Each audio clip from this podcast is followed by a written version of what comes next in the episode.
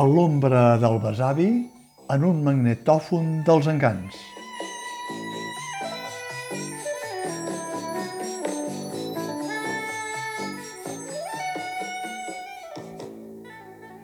Fa més de 20 anys que el mateix escriptor Miguel Delibes va adaptar en coautoria una versió del seu relat Les guerres de nuestros antepasados.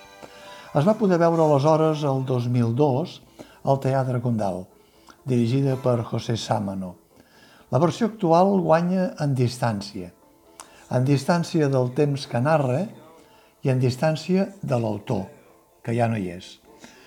Es podria dir, doncs, que la versió és més lliure i, en conseqüència, també més teatral, més pròpia tant de l'adaptador, Eduardo Galán, com del director, Claudio Tolhashir, com, per descomptat, dels dos intèrprets, Miguel Hermoso, en el paper del metge que escolta i enregistra tot el que escolta en un antic magnetòfon, i l'autèntic protagonista de la peça, l'actor Carmelo Gómez, en el paper de Pacífico Pérez, l'intern en un sanatori penitenciari que evoca els seus records que en part són la justificació dels fets que el van portar a la cel·la per assassinat. L'actor Carmelo Gómez fuig de caracteritzar un personatge tenebrós, macabre, delinqüent, com podria ser la temptació d'algun altre intèrpret o algun altre director tractant-se com es tracta d'un assassí.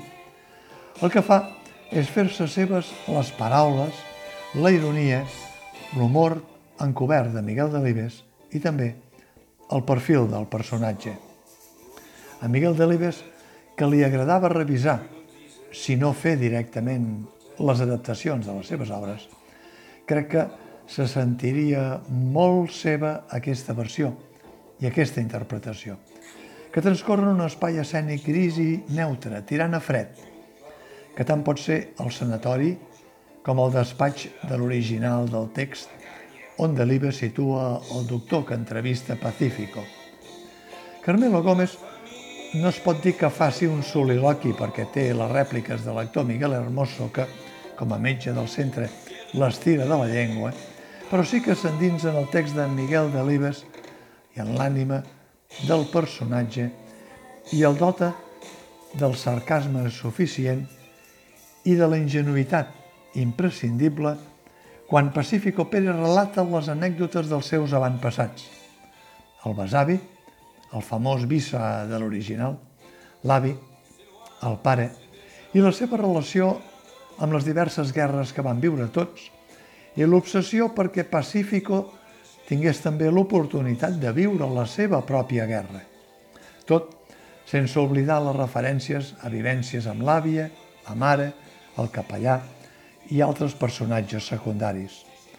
A Les guerras de nuestros antepasados, una obra del 1975, la reflexió sobre la misèria humana se centra en frases tan senzilles com les del protagonista – per què tothom ha de tenir la seva guerra? O també en la seva actitud de submissió al poderós, tot i que li costi patir la sentència de pena de mort per assassinat, passant, és clar, per l'humor heretat del vell patriarca quan comunica a la família. Us escric aquestes quatre línies per dir-vos només que em penjo a la torca, perquè sou mala gent. Ah, i em penjo pels peus, perquè si ho fes pel coll, em fa por que m'ofegués. I tot plegat, és clar, per no admetre en el taranà de Pacífico ni en el taranà dels seus ni un bri de bogeria. Es pot ser boig? Es pregunta el protagonista i no saber-ho? La mateixa pregunta que es podrien fer avui mateix a un segle vista dels fets que relata l'obra multitud de personatges d'una altra escena, la del poder mundial i els amos del botó d'accionar les guerres, amagats sempre sota el seu antifàs.